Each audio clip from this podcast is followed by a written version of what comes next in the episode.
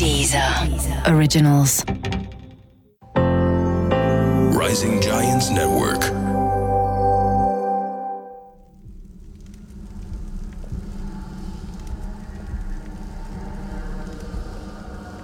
تبرئة الذمة المعلومات المتعلقة بالجرائم الواردة في هالحلقة بيتم ذكرها مثل ما صارت على أرض الواقع بما أنها قصة معروفة من وقت طويل في هالحلقة بنتكلم عن شقيقتين من أشهر القتلة المتسلسلين وأكثرهم بغض واضطراب واختلال في الشرق الأوسط بل في العالم.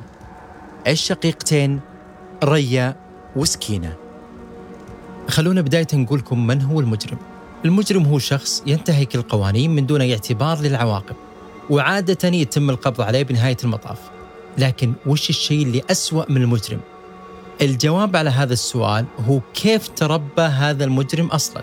الأجواء الظروف اللي رافقت نشأته ومن المعروف أن الأطفال يتلقون أكبر كمية من المعلومات والعادات في أول عشر سنين وحتى 13 سنة من حياتهم.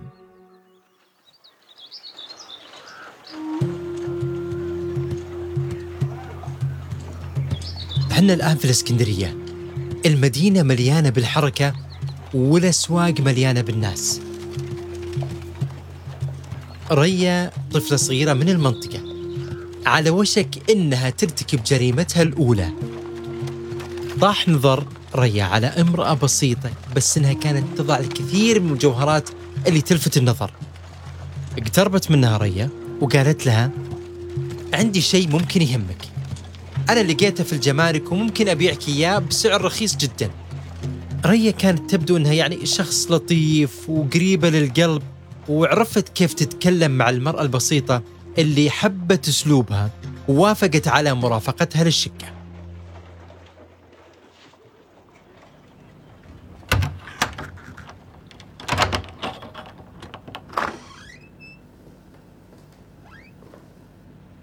وهناك في الشقة قدمت لها ريا المشروب ودار بينهم حديث ودي كان فيه مزح وضحك لكن هالسيناريو تغير فجأة. زوج ريا دخل بخلسة. وتسلل من وراء المرأة المسكينة اللي لابسة مجوهرات وقام وخنقها هنا المرأة كانت طالع في وجه ريا اللي ما كان عندها أي تعابير إنسانية أبدا. وحتى إنها ما سوت شيء ولا وبالعكس قامت ريا وأخذت كل المجوهرات اللي مع المرأة. وكانت هذه أول جريمة محكمة لريا وعشان نتعمق في التفاصيل اللي خرجت منها هالجريمة لازم نرجع للماضي واللي فيه الكثير من الأشياء بالنسبة لريا وسكينة. قصتنا بدت في مطلع القرن العشرين. في ذيك الفترة كان عدد السكان أقل بكثير من الآن وكانت التكنولوجيا معدومة وغائبة تماما عن المشهد. حنا الآن في مصر في قرية نائية في الشمال.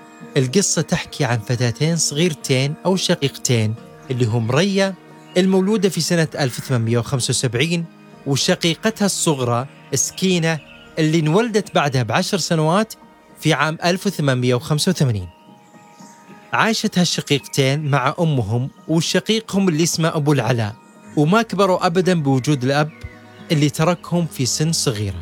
كان عند العائلة بيت ريفي متواضع وكانت أمهم تزرع الخضار. وتطلب من البنتين أنهم يشوون الخضار ويبيعونه في القرية مقابل بعض الفلوس. نعم كانت ظروفهم المعيشية بائسة للغاية.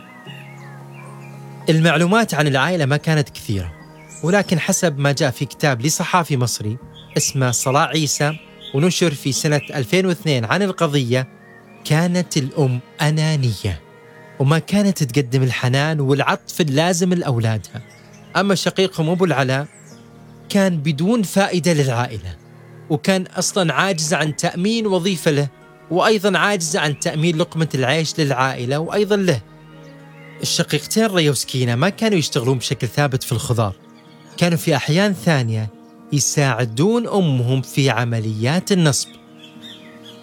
بالضبط كانوا يساعدون أمهم في عملية النصب وكانت طريقتهم أنهم يمثلون على العائلات اللي تمشي في الطرقات ويقولون للناس أن أمهم مريضة ومصابة وأنهم يحتاجون الفلوس عشان ينقلونها لأقرب مستوصف. في واحد من أيام أبريل المشمسة في وسط الإسكندرية كانوا البنتين يصرخون في وسط الطريق أمي أمي. وكانت دموعهم تنهمر على وجه كل وحدة وكانوا يصيحون بشكل يعني محزن جدا للي يشوفهم. اقترب منهم رجل وسألهم وش المشكلة؟ وش الحاصل؟ ردت سكينة أمي مريضة وتعبانة مرة وحنا بحاجة للفلوس عشان ننقلها المستشفى ولا بتموت علينا وأبوي ما هو موجود في حياتنا تكفى تكفى ساعدنا طبعا الرجل تقريبا ما اقتنع في الكلام لكنه كان يخاف إنه يأنبى ضميره فقام وعطاهم الفلوس بعد كذا خمت سكينة كل الفلوس ومسكت يد أختها وركضوا وكرروا هالمسرحية بشكل دائم وكانت هالقصة هي مدخل الفتاتين العالم الجريمة والنصب. خلال هذا الوقت بدت سكينة تكبر وبدت تتغير ملامح جسدها وهي لاحظت هالشيء من نظرات الرجال لها وقررت إنها تستغل هذا الشيء سكينة بدت تبيع جسدها من وقت إلى وقت عشان الفاكهة والخضار وعشان تاكل. كانت سكينة كل ما حست بالجوع قامت تمارس الجنس مع الرجال مقابل الفاكهة والخضار والأكل. كانت سكينة تمارس الجنس فقط مع الرجال عشان بس تاكل. كان هذا أمر فظيع ومزعج جدا جدا جدا. أسرة البنتين في هذا الوقت كانت تتنقل كثير لكنها استقرت أخيرا في كفر الزيات على ضفاف نهر النيل.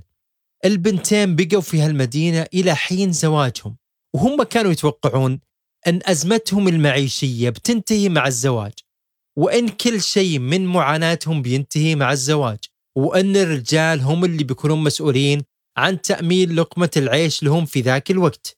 لكن الأمور ما صارت بهذه الطريقة اللي يتمنونها ريا وسكينة. الحياة الزوجية ما كانت سهلة بالنسبة للشقيقتين. ما تحسنت أوضاعهم أبدا مع الزواج وما تأمنت لهم أمورهم المعيشية ولا حتى لقمة العيش. بقت ريا مع زوجها في كفر الزيات. بينما سكينة طلقت من زوجها وانتقلت تعيش في مدينة طنطا الكبرى اللي تبعد 95 كيلو متر شمال العاصمة المصرية القاهرة. في طنطا كانت الحياة مختلفة. كانت كثافة السكان عالية في المدينة وما كان العثور على وظيفة في هالمدينة سهل جدا لكن سكينة كان لها حساباتها الخاصة. في واحدة من ليالي أبريل أيضا لاحظت من جديد أن في نظرات رجال لها وتحديدا كان في رجل واحد يناظرها بشغف وكان يطالعها على طول. هنا ردتها كانت مختلفة. صرخت في وجهها بدون ما تفكر. قالت له هي أنت. إذا كنت تبغى شيء تعال وخذه إذا كان معك فلوس. الرجال انصدم. ما كان يتصور جراءة هالمرأة اللي كان يطالع فيها تكون بهذا الشكل. وما كان يتصور إنها على طول تطلب منه فلوس عشان ينضم لها.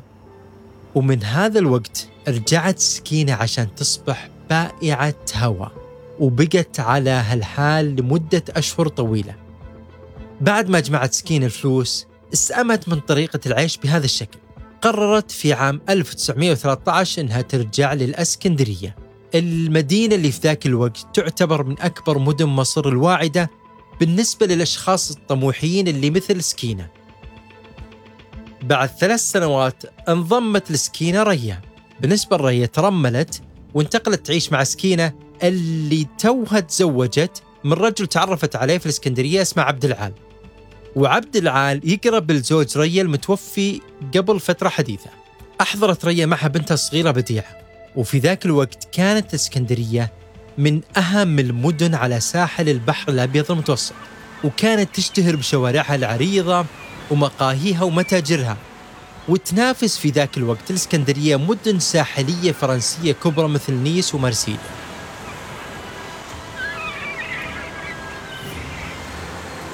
في الإسكندرية كان في العديد من العائلات الثرية وكانت تشكل مركز كبير من النشاط التجاري في مصر وكانت تعتبر أرض الميعاد بالنسبة لريا وسكينة وكانوا يحلمون بحياة فيها رفاهية كبيرة في هالمدينة اللي انتقلوا لها مؤخراً.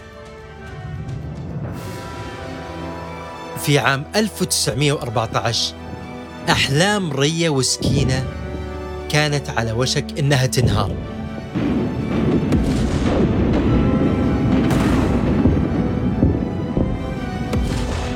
الأخبار عمت العالم.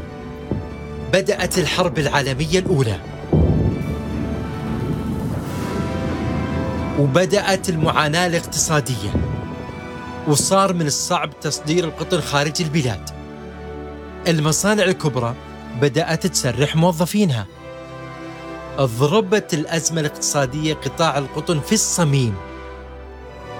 وكانت هي الصناعة اللي تشكل العمود الفقري لتوظيف جميع الأشخاص. من بين اللي تأثروا في الأزمة عشيق ريا وزوج سكينة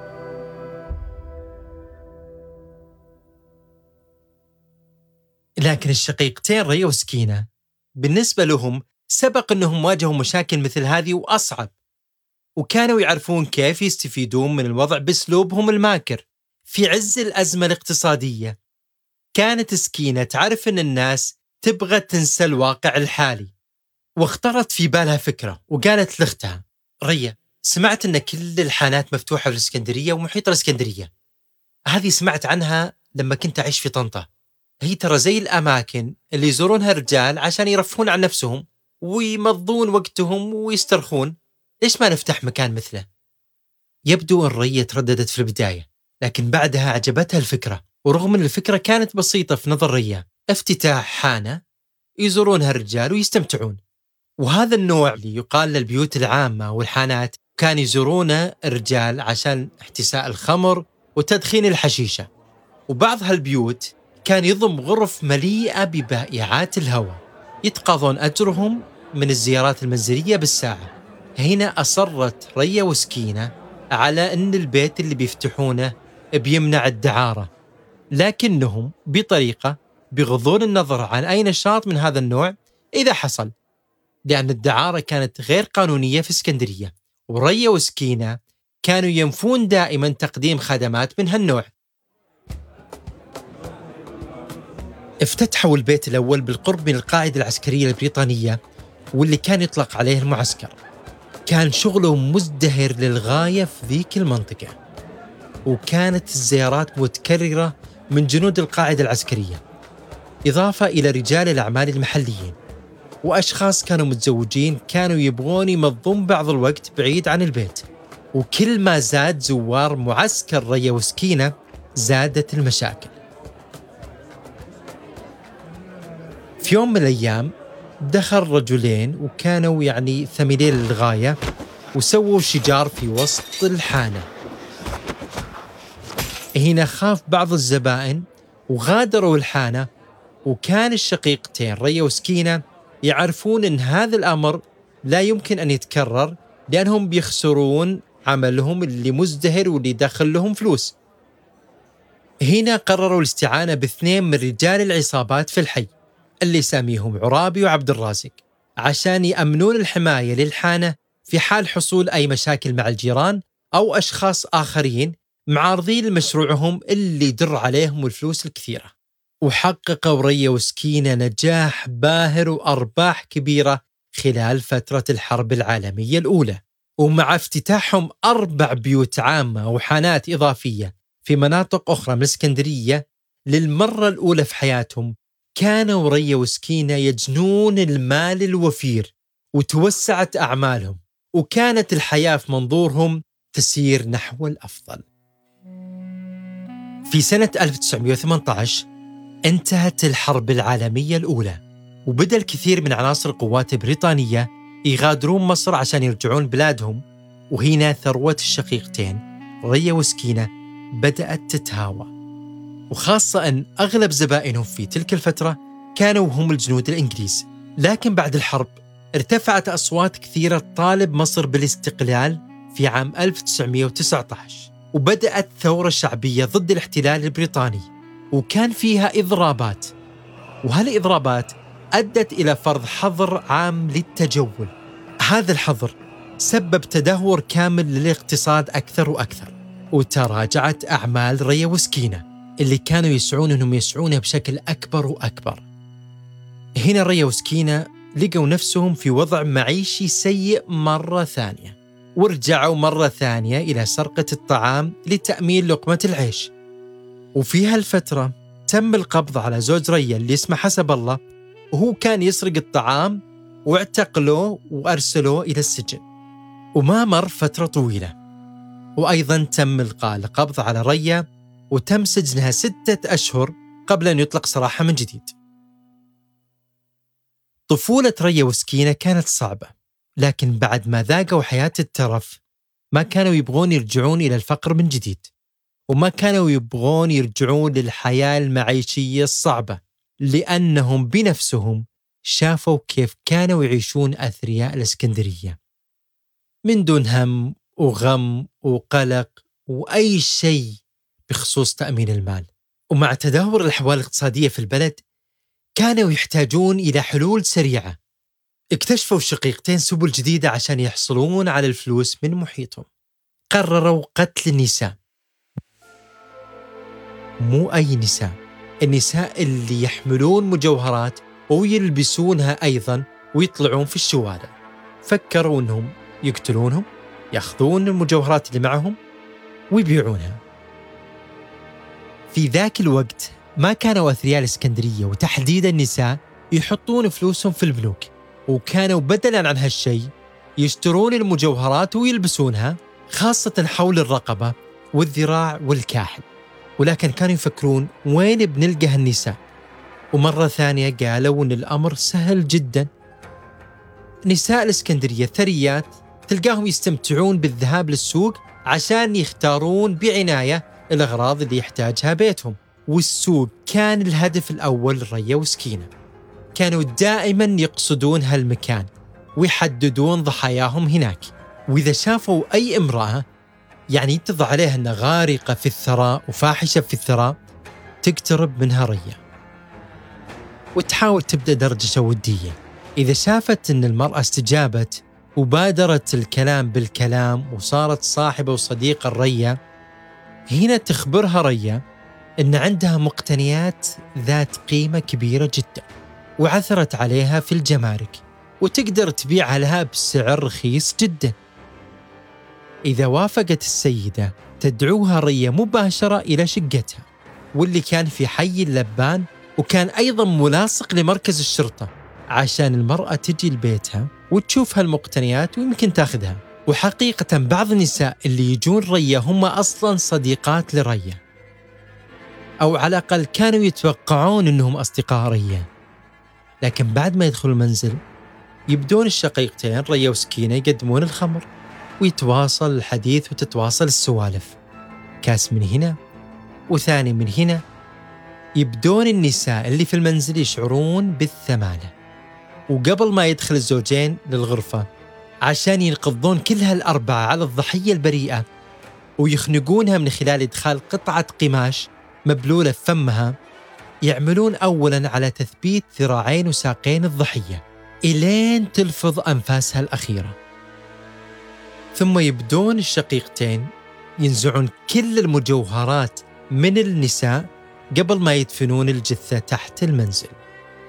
كل هالأحداث وقعت في الفترة بين نوفمبر 1919 وحتى 1920 هنا بدأ سكان المدينة ينتابهم الخوف والقلق على أحبائهم اللي يختفون فجأة وبدأوا يتصلون على الشرطة ويبلغونهم أنه في حالات اختفاء كثيرة. ما كان هذا الأمر سهل جدا على الشرطة أنهم مباشرة يقومون بالتحقيق بقضايا من هذا النوع جديدة عليهم. لأنه أيضا رغم اختفاء النساء وما كانوا يقدرون يعثرون عليهم أو على أي جثة أو على أي خيط يوصلهم بالمفقودين. حتى أن الشرطة من غرابة الموضوع كانوا يتوقعون أنه احتمال أنه يهربون النساء من عائلاتهم وربما يكون في مثلا علاقات وعنف أسري في الموضوع لذلك يهربون. رغم أن أهل الضحايا كانوا يحلفون يقسمون أن هذه الحالة ما كان فيها هروب أبدا لكن في مرحلة من المراحل زادت الشكاوى عند الشرطة. وزادت حالات الاختفاء للنساء فقط وتحديدا النساء اللي من عائلات ثرية.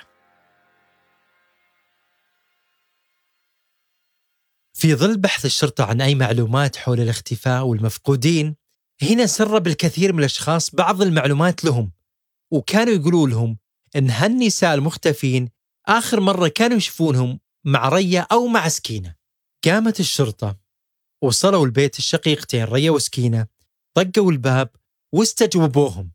لكن فعليا ما كان في أي دليل لتجريمهم لأن ريا وسكينة كانوا ينفون كل التهم وما كان قدام الشرطة إلا أنهم يصدقونهم ويخلون سبيل الشقيقتين ريا وسكينة الماكرتين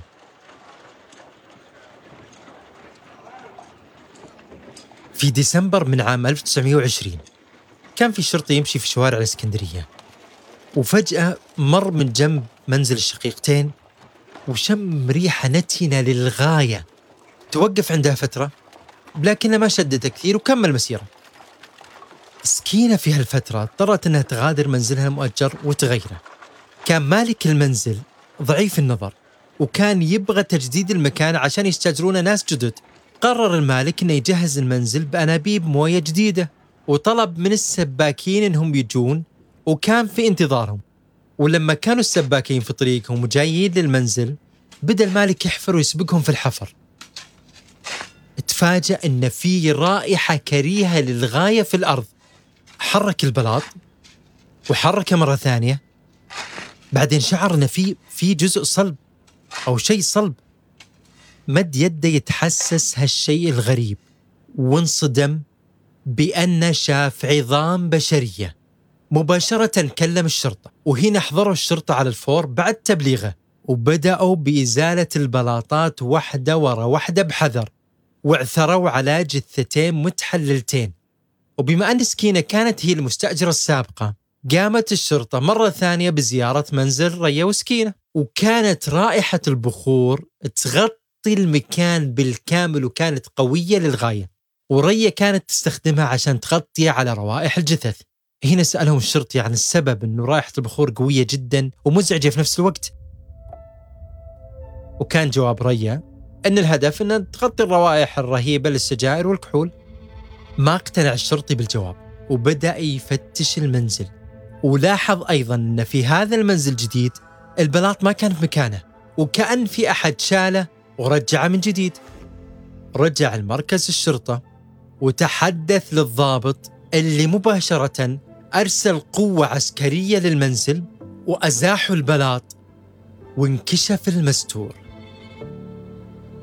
وضحت الأمور بالنسبة للشرطة. وتم توقيف الأربعة ريا وسكينة والرجلين اللي معهم. بدأت الأمور تتضح أكثر وأكثر. ريا اللي ما فارقت سكينة في أغلب حياتها الآن تفارقها في غرف استجواب منفردة. وبدأ التحقيق مع كل منهم لأيام عديدة. بنبدأ أولا نتكلم عن الجثث الثلاث المتحللة اللي لقيناها في غرفتك. كان هذا الضابط هو يتكلم مع ريا لمين ترجع هالجثث وعلمينا وش صار. في خلال هالاستجوابات ما توقفت ريا أبدا عن لعب دور الضحية وكانت تبكي وتقول لهم إنها ما تدري وش اللي صاير أبدا. وما عندها فكرة أبدا عن سبب وجود الجثث في منزلها. وش سبب رائحة البخور اللي في المنزل؟ طبعا كان هذا اسلوب المحققين مع ريا عشانهم كانوا ينتظرون إجابة منها.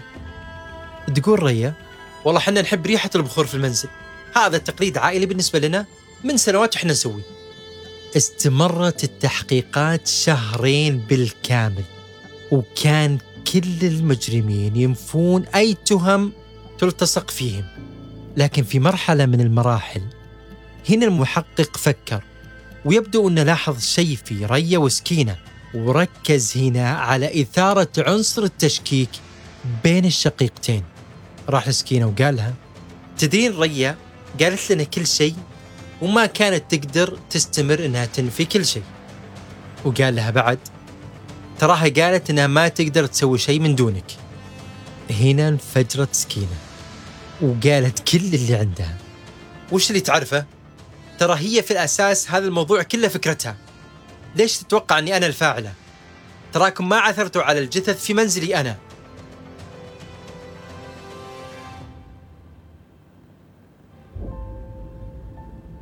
عند هذا الحد بدأ كل شخص من المجرمين يوجه أصابع الاتهام للآخر. وهنا أصدرت الشرطة مذكرة بحث وتحري شملت كل البيوت السابقة اللي عاشوا فيها ريا وسكينة. ومن خلال هالمذكرة تم العثور على 17 جثة متحللة وكانت كلها ترجع إلى نساء مفقودات. سبع من هالجثث ما استطاعوا أبدا التعرف عليها. تواصلت التحقيقات واستمر الشقيقتين باتهام الآخر. إلين جت بنت ريا اللي عمرها عشر سنوات وقالت كل الحقيقة للشرطة. وكشفت أن هالجرائم اللي صارت كانت تحصل قدام عينها. كانت بنت ريا صغيرة تختلس النظر من ثقب صغير في الجدار وكانت تتعرض للتهديد باستمرار من والدتها وزوج أمها إنها بتلاقي المصير نفسه إذا انطقت بحرف ولا كلمة لأي أحد. وبعد سنة من عملية التوقيف وجهت المحكمة تهمة القتل وأصدرت على الأربعة كلهم الحكم بالإعدام شنقا. ما كانت الجريمة غريبة على أرض الواقع في ذاك الوقت لكن هذه الجريمة بالتحديد خضت المجتمع بأكمله وتصدرت عناوين الصحف والأخبار الإذاعية قصة ريا وسكينة. هزت أركان المجتمع. كانت المرة الأولى اللي تم فيها تجريم امرأتين والحكم عليهم بالإعدام في العلن. امتلأت الصحف مقالات الرأي حول جواز الحكم على المرأة بالإعدام. وأيضا الحكم شمل كل اللي لهم علاقة بالجنان.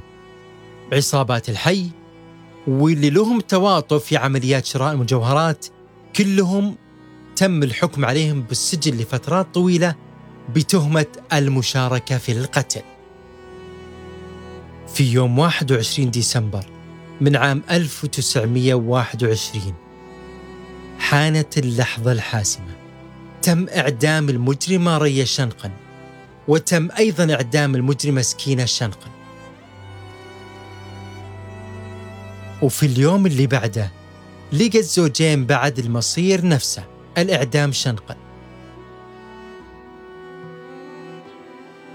لكن يبدو أن إعدامهم ما وضح حد المسلسل الجرائم لأنه وقعت جريمة قتل أخرى بعد فترة قصيرة. لكن هالمرة طالت ابنة ريا اللي اسمها بديعة اللي تم وضعها في ملجأ الأيتام في وقت المحاكمات. لكن بعد ثلاث سنوات من تنفيذ الحكم اشتعلت النيران بملجأ الأيتام اللي كانت بديعة عايشة فيه. وهو الأمر اللي تسبب موتها. كثير كانوا يعتقدون أن أحد أقرباء الضحايا أو النساء القتلى ما ارتوى ظمأ الثأر عنده من إعدام المجرمين الأربعة وقرر أنه ياخذ ثاره بيده وأشعل النار في الملجأ عشان يحرص على القضاء بالكامل على سلالة ريا وسكينة.